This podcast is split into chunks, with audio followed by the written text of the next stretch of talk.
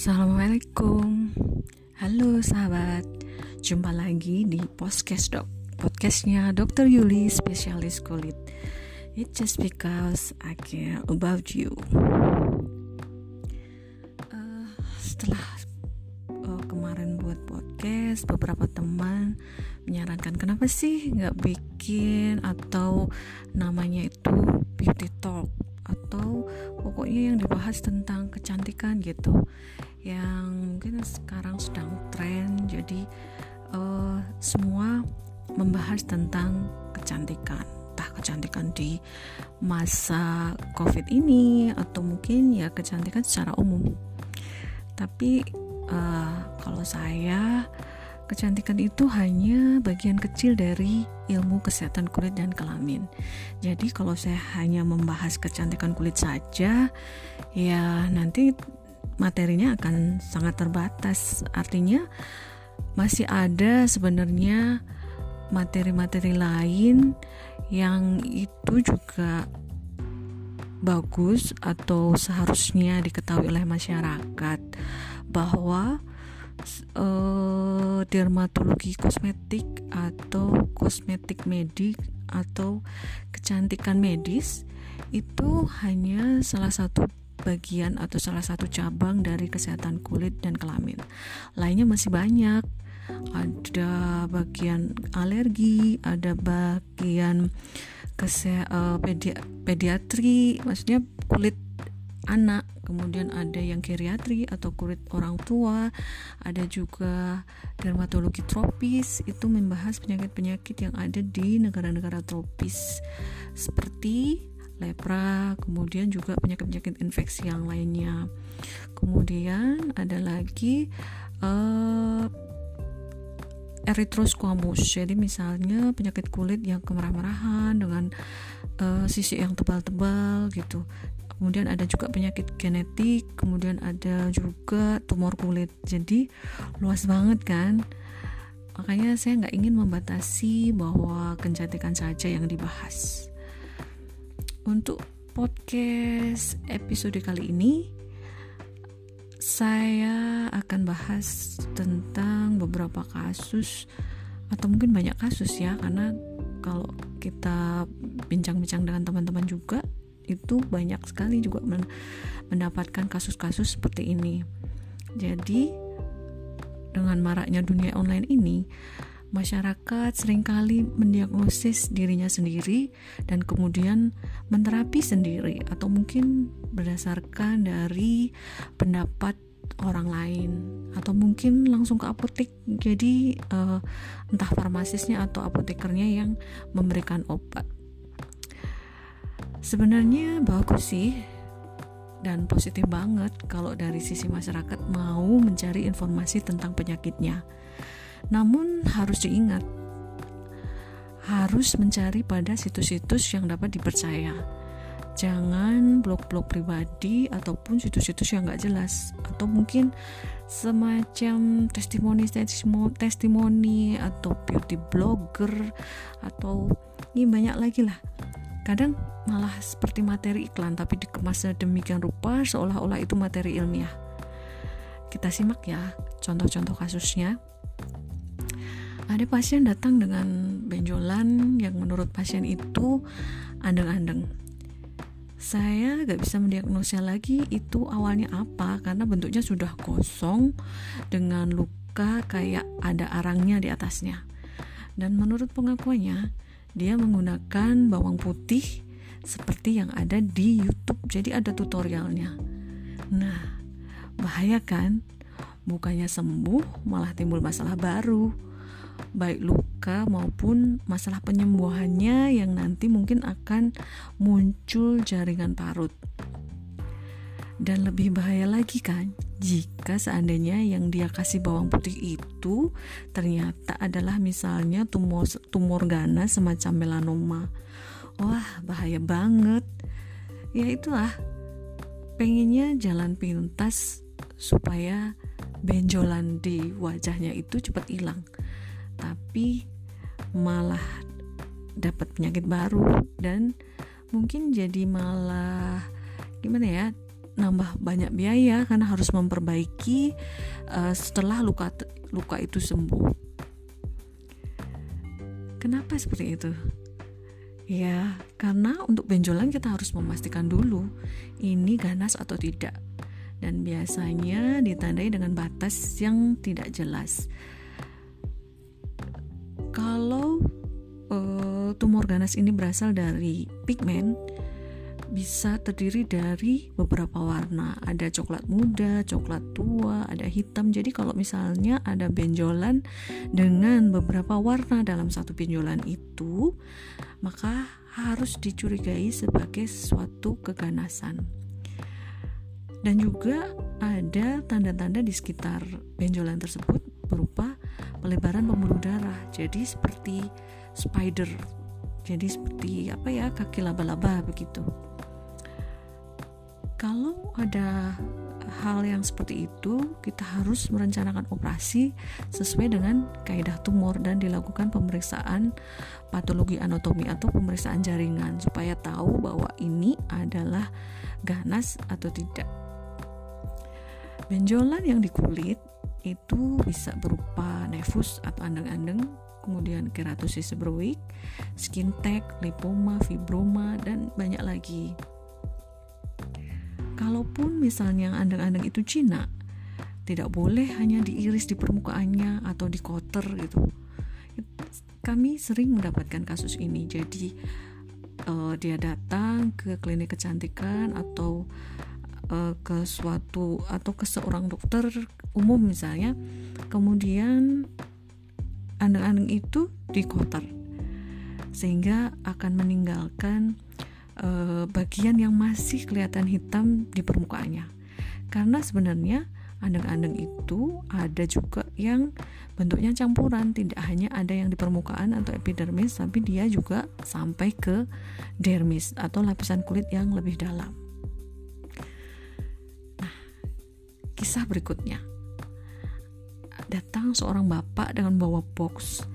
Dia bilang habis beli obat dari Allshop katanya obat kutil atau papiloma yang dia beli sampai beberapa juta. Katanya karena dia takut di dalam berita internet itu dikatakan bahwa benjolan yang berupa kutil itu isinya parasit yang mematikan. Hmm, mengerikan bukan?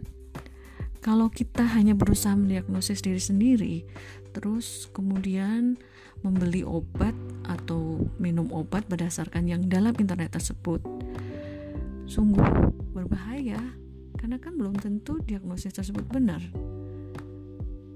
Dan pada kasus ini, obat yang dibawa bapak tersebut ternyata tanpa BPOM dan bahasanya Cina. Jadi entah tuh obat dari mana. Bahaya kan? Cerita berikutnya dari pasien datang usia sekitar 20-an. Datang dengan keluhan benjolan di kelamin. Dia bilang, dok, kelamin saya ada kutilnya dok, seperti kondiloma dok. Dari mana adik tahu? Dari internet dok. Benjolannya seperti berlipat-lipat gitu. saya hanya tersenyum. Sudah menikah belum? Belum, jawab dia. Sudah pernah berhubungan seks? Belum dok. Hmm, sudah punya pacar? Sudah sih, tapi belum pernah berhubungan kok. Hmm, pernah menggesek-gesekkan kelamin uh, di area area kelamin itu. Hmm, sambil malu-malu dia bilang pernah sih, tapi nggak sampai masuk kok dok. Dan itu pun sudah lama. Terus benjolannya ada di mana? di bibir dalam dok. Baiklah silakan tidur di sana ya. Saya persilakan dia ke ruang periksa.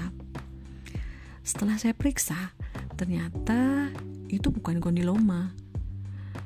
Hmm, dek ini bukan kondiloma. Ini variasi normal aja. Jadi uh, bibir dalam atau labio minoramu ini sebelah kanan lebih besar dari yang sebelah kiri. Dan memang bentuknya berlipat-lipat mungkin ya memang mirip itu tapi kalau uh, kita buka atau kita lebarkan itu hanya ya sedikit kelainan lah. Artinya kalau orang normal memang tidak seperti itu ya. Dua-duanya simetris sama. Tapi pada punyamu itu yang sebelah kanan lebih besar. Tapi memang tidak ada kelainan artinya itu variasi normal saja dan tidak perlu terapi apa-apa. Untung loh kamu datang ke dokter jadi langsung tidak mengambil tindakan sendiri. Nah apa yang terjadi kalau ternyata dia ngobatin diri sendiri? Misalnya dengan uh, apa ya yang sering pasien oh ya ini kapur. Nah itu juga yang menurut internet menurut mereka itu bisa menghilangkan benjolan seperti yang kasus tadi. Kalau tadi dengan bawang putih yang ini dengan kapur. Atau kalau orang Jawa bilang injet ya. Itu kan panas kemudian bentuk luka bakar. Ya untung pasien yang ini tadi berusaha mencari informasi yang benar dengan datang ke dokter spesialis kulit dan kelamin. Nah kisah berikutnya hmm, ini hal yang paling sering nih. Kalau dokter kulit kelamin pasti akan sering dapat kasus ini. Pasien datang langsung bilang dok saya kena sifilis nih dok. Lah kok pinter? Tahu kalau sifilis kata saya sambil tersenyum. Lah saya baca di internet dok gejalanya sama. Lah emang gejalanya apa mas? Saya kencing nanah dok. Terus kemarin saya beli obat di apotek dan diberi antibiotik tapi sudah tiga hari ini belum membaik. Malah sekarang uh, kantong pelir saya itu jadinya nyeri buat jalan dok. Nah kan? Hati-hati mas baca di internet tuh. Informasinya belum tentu benar dan yang mas alami itu namanya gonore bukan sifilis. Kalau sifilis itu perlu penegakan uh, pemeriksaan darah. Jadi nggak gampang. Kalau yang seperti ini gimana? Dia ngobatin tapi kemudian malah penyakitnya tetap berjalan terus. Jadi menimbulkan komplikasi orkitis atau radang di uh, apa ya di skrotumnya itu. Nah kalau ini dibiarkan saja itu bisa berakibat kemandulan. Bahaya kan? Kasus berikutnya pasien kosmetik. Pasien datang dengan bercak-bercak hitam seperti melepuh dan setelah dianamnesa atau setelah ditanya-tanya untuk mendapatkan informasinya ternyata dia mencoba menggunakan cairan tertentu untuk chemical peeling di rumah. Karena dia habis lihat ngik atau ngikutin tutorial dari beauty blogger di YouTube. Nah loh, hati-hati ya sahabat ya.